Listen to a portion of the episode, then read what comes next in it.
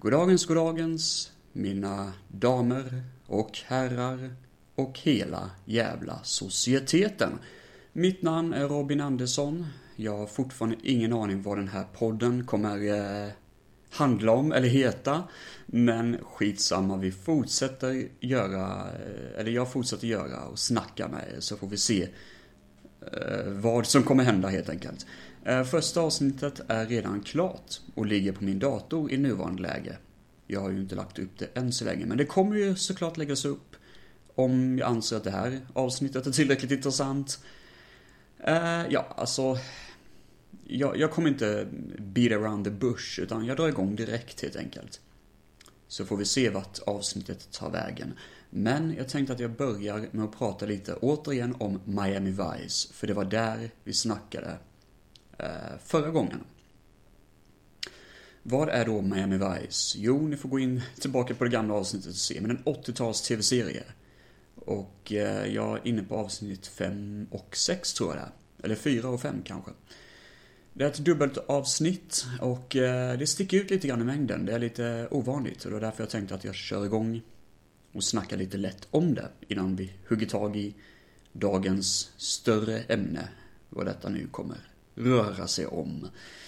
Det får vi se längre in. Eh, när jag spelar in det avsnittet sen. Ja, skitsamma. Vi kör igång.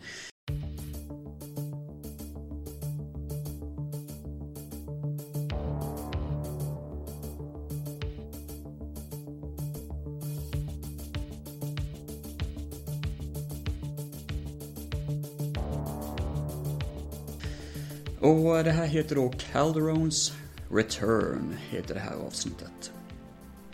Calderon var gangstren som var med i pilotavsnittet av Miami Vice. Huvudskurken, if you will. Och jag trodde att han skulle vara typ eh, liksom en ledande skurk som dyker upp lite då och då i Miami Vice, men tydligen inte. För redan i det här avsnittet så kom han tillbaka. Och eh, det var lite överraskande, men på ett gött sätt också. För det är ett väldigt intensivt avsnitt. Eh, det här är uppdelat i två delar. Och innehåller lite eh, olika saker. För i första delen så får vi se att Crockett, huvudrollsinnehavaren, har problem med sin fru och med sitt barn och ska gå igenom en skilsmässa. Och det går lite fram och tillbaka om de faktiskt har känslor för varandra, om det faktiskt funkar mellan dem. Och det, det är väldigt välspelat, det är verkligen jättedramatiskt och väldigt, på ett bra sätt. Man inser att båda två verkligen tycker om varandra. Men man vet också om att det blir väldigt frustrerande för frugan i det här förhållandet att eh, hålla på med Crockett som typ aldrig är hemma och typ alltid jobbar. Men samtidigt har de ju känslor för varandra och frågan är vilken typ av fadersgestalt han är för barnet och så vidare. Och det, det är mycket drama och mycket sådär eh, känslor involverat men inte på något jobbigt sätt utan det sköts faktiskt väldigt bra. Vanligtvis tycker jag sådana här romantikhistorier är jävligt tråkigt att kolla på. Särskilt i tv-serier. Men eh, det här känns bra och jag tror det har väldigt mycket att göra med dynamiken mellan Crockett och personen som spelar hans fru. Eh, båda två gör ett väldigt bra jobb och eh, man känner bara direkt att de övertygar väldigt bra om att de har någon typ av vänskaplig relation eller kärleksrelation. Men som tittare vet vi om att det kommer nog faktiskt inte sluta så bra mellan de två. Och det är just det som utvecklas väldigt mycket i den här första episoden då, att det, ja, det kommer kanske inte riktigt gå som man hade hoppats på. Men eh, det är också det fina i det hela. Vi får även se en riktigt snygg scen där Crockett och frugan går på stranden och pratar med varandra. Och då får vi höra eh, soundtracket, Crockets Theme, som eh, för första gången dyker upp i tv-serien och är väldigt känd. Det är den kändaste låten efter um, uh, In the Air Tonight av uh, Phil Collins. Det är nog troligtvis den kändaste låten i hela tv-serien faktiskt. Mer känd än själva Miami Vice filmsången, vilket är jäkligt udda. Det är inte ofta en karaktärs soundtrack är mer känd än själva introlåten till en tv-serie.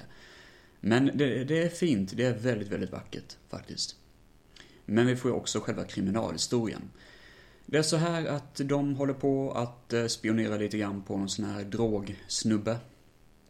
Och helt plötsligt så dyker det upp en lönnmördare från ingenstans och gör ett jävla eh, mord. och skjuter en polis och allt möjligt och försvinner spårlöst. Och det visar sig att den här lönnmördaren är extremt professionell. Och eh, han har en dödslista. Och vem är med på den här dödslistan? Jo, Crockett. Så det är väldigt Crockett-orienterat. Det är Crockett som egentligen är den ledande karaktären. Och då tycker jag att det är lite tråkigt på sätt och vis, för jag gillar ju Tubbs väldigt mycket, hans partner. Och han får vara lite grann i bakgrunden i det här avsnittet. Men, till min överraskning så är det faktiskt ändå Tubbs som är hjärtat och själen på något vis. Den vänskapen och den partnerskapet mellan Tubbs och Crockett är fan otroligt snyggt alltså. Det är, det är intensivt och man märker att de är fan polispartners. De är fan polare. De, de ska fan överleva det här liksom. Och eh, ja, det är fint. Det är, det är riktigt vackert. Faktiskt. Det är intensiva eh, scener mellan de här två karaktärerna. Utan tvekan. Ja, det här avsnittet är skitbra. Jag älskar hur jävla farlig den här skurken är och i slutet så har man till och med, nu avslöjar jag lite grann men skitsamma, då dyker den här lönnmördaren upp hos Crockets familj och det här är en konsekvens som är riktigt obehaglig faktiskt att se. Det var första gången jag såg avsnittet så bara oh shit liksom. Det här, det här är, nu är det på riktigt.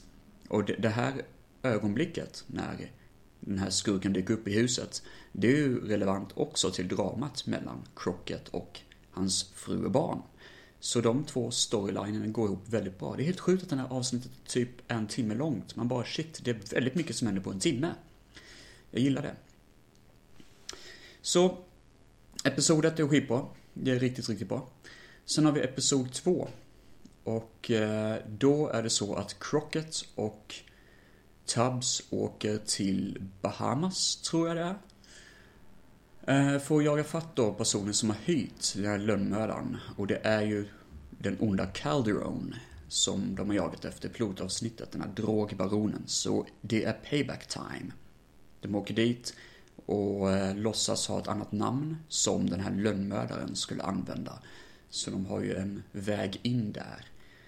Och eh, Tubbs blir ju lite småförälskad i en kvinna som går runt på stranden och eh, har någonting att göra med Calderon och han tror att det är Calderons fru. Men nej, det visar sig faktiskt vara hans dotter. Och det här känns också som att det faktiskt kommer dyka upp senare i serien faktiskt, i senare säsonger. Jag har faktiskt för mig till och med läst någonstans att det här kommer dyka upp igen på något vänster. Eh, jag tycker väl inte relationen är jättebra, det känns lite forcerat och sådär. Men det, det är ändå intressant, det blir ändå någon typ av drama bakom det. Det här avsnittet är det mest utstickande för att det finns en riktigt cool biljaktscen som faktiskt eh, är riktigt nice tycker jag. Jag tycker de lyckades med det väldigt bra, det känns välproducerat och så. Men annars så tycker jag avsnittet är lite småtråkigt. Det lever inte alls upp till det här lönnmördaravsnittet som föregångaren hade. Men det är en fin final och eh, man får ett avslut väldigt snabbt på Calderon. Vilket är både positivt och negativt. Egentligen är det bra att de inte drar ut på det för mycket för de vet om att det, det kan ju bli för mycket genom att ha en skurk som kanske dyker upp genom alla säsonger. Då är det nästan bättre att faktiskt ha eh, nu kör vi avslutet på piloten här liksom. Så eh, ja, det är inte så mycket mer att säga än så. Det är två intensiva, mysiga avsnitt. Och jag gillar att avsnitt två har lite annan miljö. Det är väldigt fin miljö. Och eh, lite roliga sidokaraktärer och sådär. Men det är ingen sån här wow, utan det är mestadels eh, avsnitt ett som jag tycker är skitbra. Ja, den här Calderons Return. Ja, det är väl mestadels det jag skulle säga om Miami Vice. Eh, och de här två episoderna som sitter ihop. Ja, och nu tycker jag att vi kör igång med dagens riktiga innehåll. Vad det nu kan bli.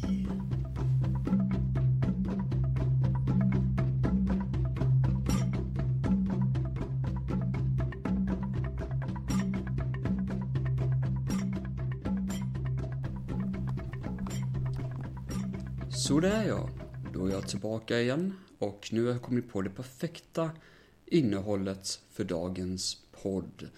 Jag ska prata om filmen Akira. Som eh, jag har framför mig just nu. Jag tror den är gjord 88 är för mig. Detta är en science fiction um, anime-film. Uh, lite cyberpunk-aktig. Men innan jag sätter tänderna i den och försöker efter bästa förmåga kunna prata om den filmen Så tänkte jag att jag drar igång och pratar om lite liknande anime-filmer som har någon typ av futuristisk eller eh, science fiction-tema bakom sig. Det finns en del i min fina samling och det är säkert jättemånga som jag kommer glömma bort att prata om, men jag ska försöka göra mitt bästa för att prata om den här genren. För det finns en del olika filmer där ute som, särskilt inom anime, som tyvärr eh, glöms bort lite grann. I vimlet av Studio Ghibli och liknande. Jag föredrar faktiskt att se filmer som är utanför Studio Ghiblis territorier, för det är inte riktigt min kopp te. Eh, men jag tar gärna förslag till att se lite fler Ghibli-filmer i framtiden, om det skulle vara intressant. Men men, skitsamma, nu drar vi igång med lite andra liknande titlar. Royal Space Force har jag framför mig, en av de snyggare utgåvorna som jag har faktiskt. Även känd som The Wings of Honomase. Och eh, den är regisserad av snubben som gjorde Neon Genesis Evangelion. Om det är någonting som eh, tilltalar er. Jag har faktiskt ingen aning vad det är för någonting, ärligt talat. Men, Nevermind, den här filmen har också gjort musiken, gjord av Ryuichi Sakamoto. Åh oh, herregud, jag tror jag tog sönder hans namn ordentligt där. Som gjorde musiken bakom Appleseed och eh, tydligen, ja, en massa olika filmer. Han är jättekänd som musiker. Och det här är ett otroligt bra soundtrack till den här filmen. Uh, Royal Space Force. Som sagt var även känd som The Wings of Honomasse. Det är en... Um, jag skulle nästan kalla det för en typ av um, steampunk-liknande film. Det vill säga mycket kugghjul och den här retrofuturistiska stilen på det hela. Men eh, det hela handlar om en man som är den första personen som ska åka ut i rymden. Och det är lite grann av ett sci-fi drama typ, för man får se väldigt mycket hur han tränar till att bli astronaut. Och det är ju där man får se de lite mer konstiga uppfinningarna och gamla maskinerna som nästan ser ut som att det kommer från andra världskriget i princip. Men eh, dramat ligger mestadels i att karaktären själv inte riktigt vet om han är så intresserad av att åka ut i rymden överhuvudtaget. Samtidigt som han eh, börjar bli kär i en karaktär som är hans kärleksintresse. Eh, det, det är en mysig film utan tvekan och det är en film jag ofta har besökt och återbesökt och kommer återbesöka igen för jag kommer in i ett visst tempo en viss mjukhet och den piggar upp mig positivt när jag känner att jag känner mig lite nere helt enkelt. Och det kan man göra vissa dagar, det är helt okej. Okay.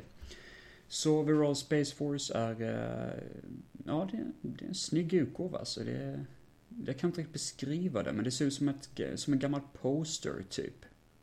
På omslaget, som nästan hänger på en vägg nästan. Och så är det lite olika bilder från filmen och huvudkaraktären är med på omslaget och lite sånt. Det, det ser snyggt ut.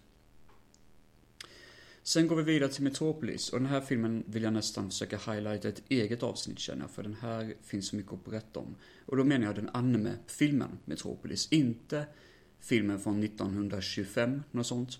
Stumfilmen av eh, Fritz Lang. Som jag tyvärr inte har sett, men jag har velat se sjukt länge. Utan det här anime-varianten av den filmen. Och det handlar om Metropolis, ett futuristiskt och väldigt vackert samhälle och så handlar det om lite olika karaktärer i det här samhället. Ehm, men huvudagendan är väl att det finns en kvinna som är en robot. Som har flytt sin konstruktion i princip av misstag.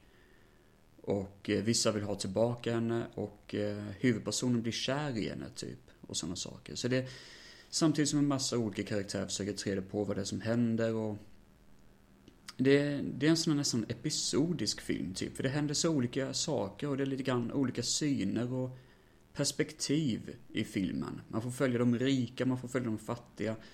Och det är egentligen ingen som egentligen har en huvudroll. Men det är lite mysigt, jätte, jättebra musik är det.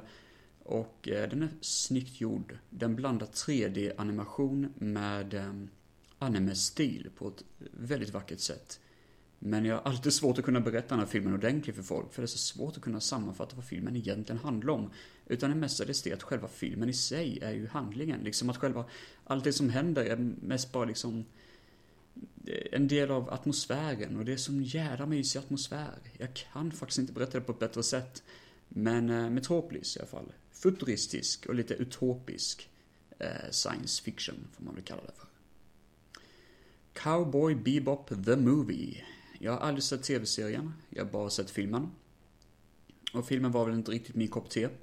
Den är helt okej, okay. den är lite småkul. Uh, handlar om några såna här uh, detektiver som jagar en terrorist i, jag för mig det var eh, Paris, vill jag minnas. Det slutar i Paris i alla fall, tror jag. Eh, den är snyggt gjord, ingenting direkt negativt där. Den är ganska häftig och har lite ögonblick. Jag kommer ihåg att det var en explosion på något tåg av någon konstig anledning som minns detta väldigt mycket. Och det är lite sådär, lite snygg futuristisk film. Men tydligen så är tv-serien betydligt bättre och man borde egentligen se den först, vilket jag inte har gjort. Sen har vi en film som heter Memories. Och Memories är egentligen en episodisk film. Betydligt mycket mer episodisk än Metropolis. För det här är liksom fyra helt separata historier som bakas ihop. Och eh, gjorda av olika regissörer och sådär. Och eh, alla de här filmerna, majoriteten av de filmerna jag pratar om just nu kommer faktiskt från en box. Så jag borde egentligen gå igenom den boxen och berätta lite mer ingripande om denna anime-box som jag har. Um, för att uh, det jag mest vill highlighta i Memories, det är ett, um,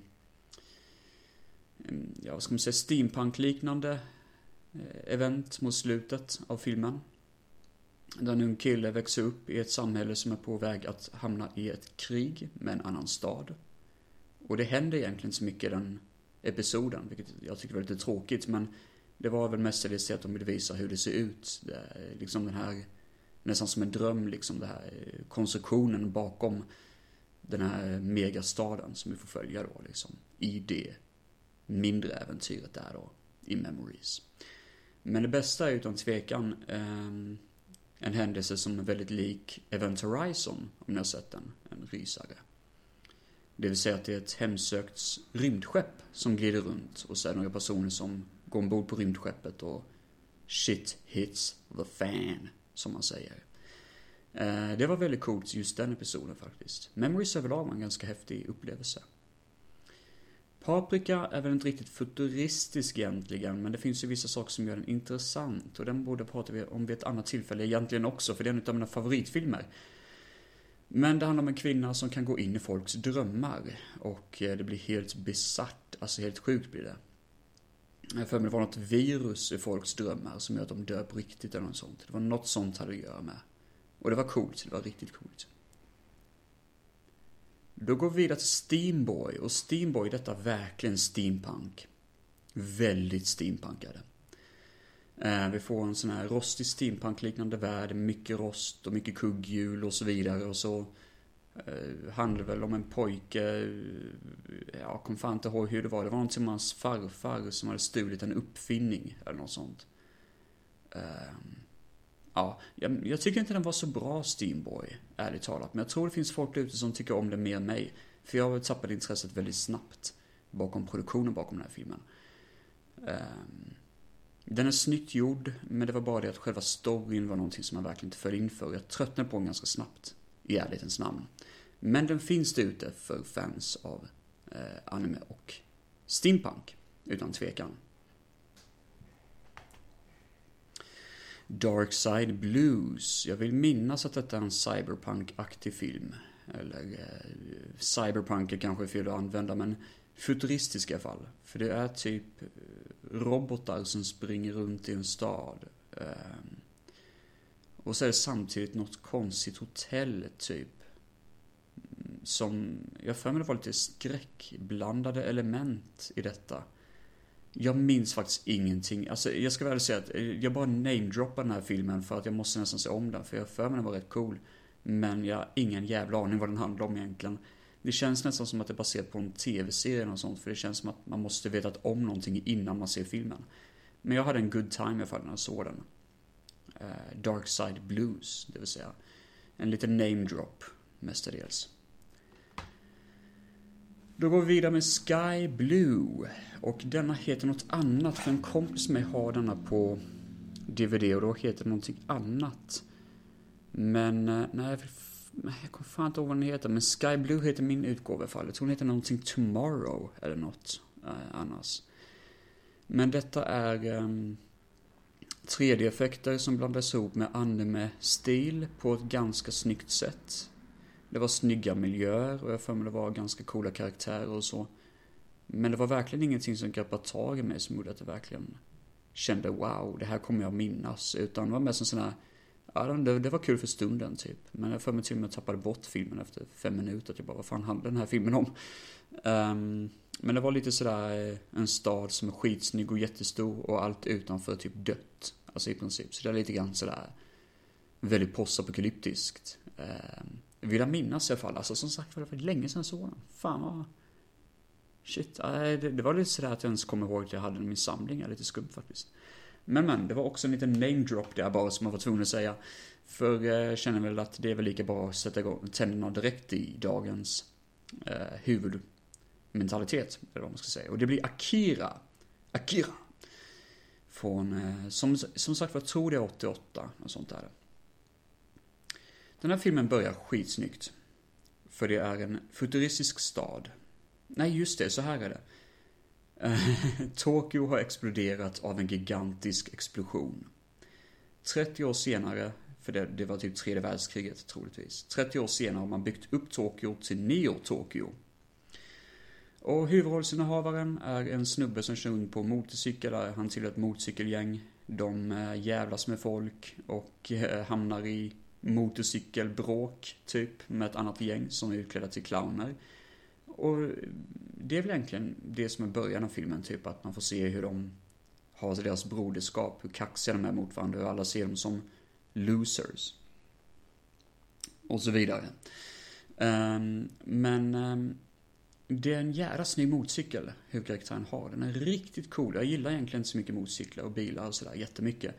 Men den här, alltså fy fan vad cool. Man vill ju ha en sån liksom. Det ser ut som en sån här lightbike från Tron, typ.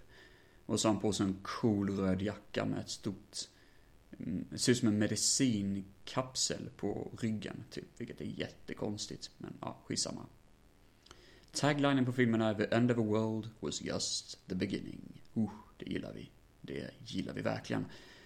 Men, men, men, i alla fall, det handlar inte bara om motorcykelgäng i en futuristisk stad, utan en av hans vänner råkar ut för en bilolycka. Eller motorcykelolycka. Och kommer i kontakt med någon typ av konstigt barn som ser jättekonstigt ut. Helt skrumpen i kroppen, typ. Och det här barnet är livrädd och har typ massa krafter och sådär liksom. Och barnet tas ta hand om av eh, militären och de tar även hand om den här killen som råkar vara med om olyckan. Och huvudkaraktären är bara, alltså vad är det som händer egentligen? Vad, hur kommer detta sig liksom? Ingen fattar någonting. Men vi som tittar inser ganska snart att de här barnen har övernaturliga krafter. Och de har någon typ av mental kontakt till någon superdemonisk makt som tydligen kan vara ett ansvar för Tokyos eh, explosion i filmens början. Och det var någonting de kallade för Akira. Och Akira tydligen eh, bortspärrat, tror jag. Något typ av valv eller något sånt. Jättekonstigt är det. Och den här killen som råkar ut för olyckan verkar ha fått övernaturliga krafter och han blir skitfarlig. Så mitten till slutet av filmen är typ i princip att huvudrollerna försöker ta sig in i den här basen, den här militärbasen och rädda deras kompis. Men de vet ju inte om hur psykopatisk han egentligen blivit och jävla mäktig han har blivit. Det är lite grann som om ni har sett X-Men eller känner till eh, serietidningen X-Men så finns det en karaktär som har eh, kraften att kunna typ förändra verkligheten. Hon eh, kallas för ehm, Dark Phoenix och kan typ förvränga verkligheten. Att träd kan förvandlas till guld och så vidare. Alltså sådana saker liksom. Men också andra saker, att folk kan implodera typ. Det är lite grann sådär. Weird shit. Och i Akira har den här övernaturliga förmågan samma sak. Att det händer verkligen jätteskumma saker. Väggar förvandlas till lego. Man bara, vad fan är detta liksom? Och det, det, är coolt, det är riktigt snyggt välgjort att kolla på och egentligen är jag inte så glad i tanken att kombinera cyberpunk-stil med övernaturliga krafter. Och det var det som var lite off-putting för mig innan jag såg den här filmen. Men när jag väl såg den så insåg jag att kombinationen funkar fan jävligt bra. Och det går egentligen inte att beskriva på ett bättre sätt. För resten av filmen är typ bara gigantiska actionscener efter varandra. Det är explosioner av bara helvete och det, det är snyggt. Det är så jävla snyggt. Och alla försöker stoppa den här onda, mystiska kompisen som är förvandlad till någon annan demon i princip. Och slutet blir ju en sån här, jag ska verkligen inte avslöja för mycket men det, det blir en mutation i den här kompisen. Så han typ muteras som en konstig köttklump. Och det ser jävligt groteskt ut. Helt plötsligt så blir det här från att bli cyberpunk till att bli någon X-Men domedagsfilm till att förvandlas till någon typ av David Cronenberg historia. För det här monstret är så jävla groteskt. Alltså det är kött och metall som blandas ihop och han kan inte kontrollera sig själv. Så han skriker bara 'Kill me!' Typ liksom medan han bara växer och växer. Och ja, det var, det var ett stöd. Jag bara, vad fan? Och ja, det, det kändes verkligen hårt i hjärtat när man såg det.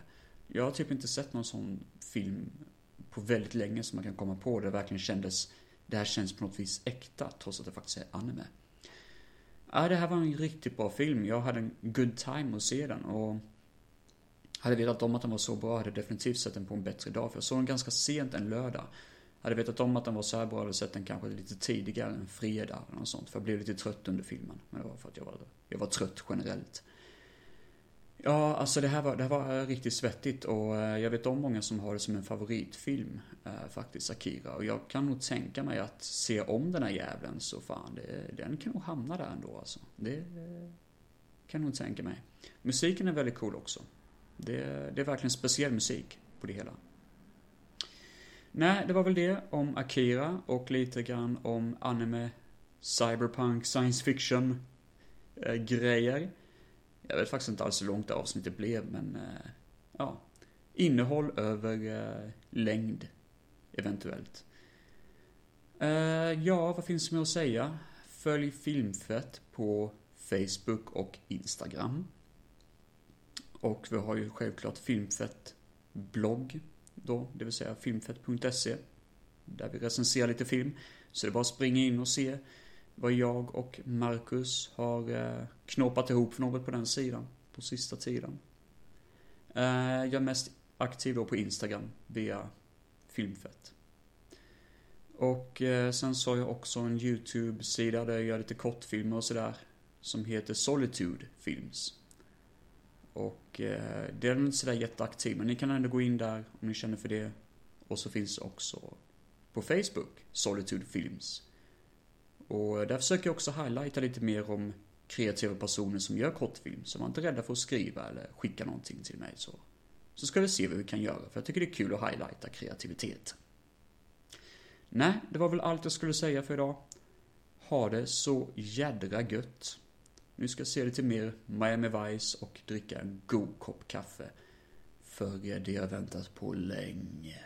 Jag tror jag har jordnöt också i godisskåpet. Det är ju för jävla gott. Ha det så jävla underbart nu och ta hand om er där ute. Ta hand om er. Adjökens.